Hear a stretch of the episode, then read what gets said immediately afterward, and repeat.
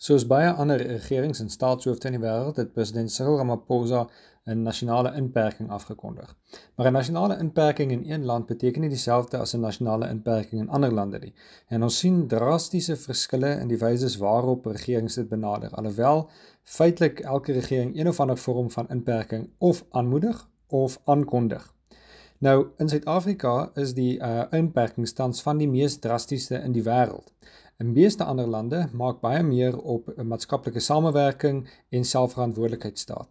So die eerste stap wat ons uh, sou voorstel om die inperking te verlig en om beter effek te kry, is om mense se samewerking te vra eerder as om 'n verskriklik baie goed af te kondig wat gedoen en nie gedoen mag en moet word nie.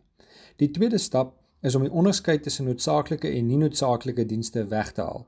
Dit is 'n ekonomies onsinnige oefening en alhoewel mense kan verstaan dat dit op die oog af 'n goeie idee na kan klink, is dit nie 'n goeie idee nie. Want eerstens, alle werk sit kos op iemand se tafel en in daardie sin is alle werk noodsaaklik. Tweedens, um, is die ekonomie 'n diensbaarheidsketting.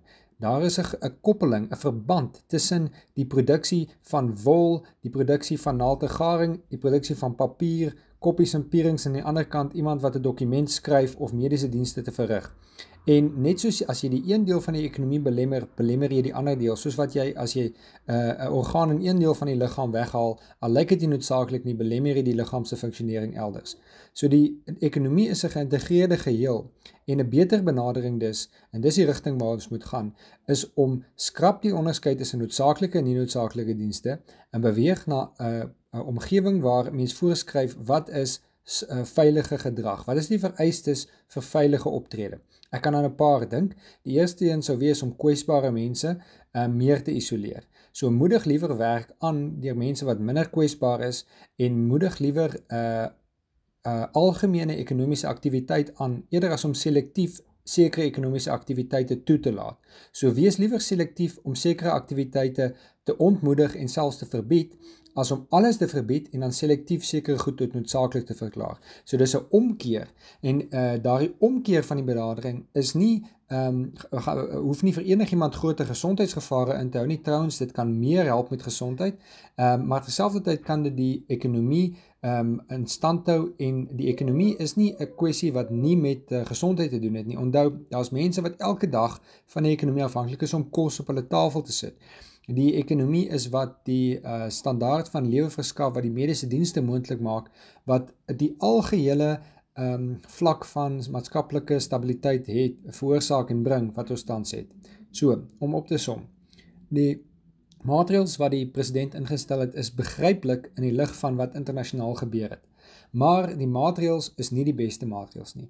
Die maatreëls moet baie dringend verander en omkeer na 'n selektiewe verbod op sekere gevaarlike goed eerder as 'n algemene verbod en 'n selektiewe hertoelating.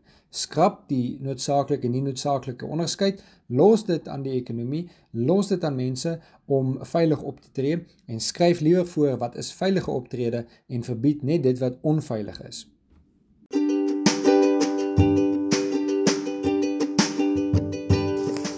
Jy luister na Niespot, die tuiste vir Afrikaanse stories achter die Nies. In hierdie advertentie gleef. Jou soektocht na vetplante is voorbij by Rita's Vetties in Kreersdorp, waar jy groot verscheidenheid vetplante soos alwijn, beesklaukie, beestongblaar en perretand kan kry. Sy lever ook af per koerier. Besoek Rita's Vetties op Facebook vir meer besonderhede of bel haar by 082 342 9119 terug na ons story.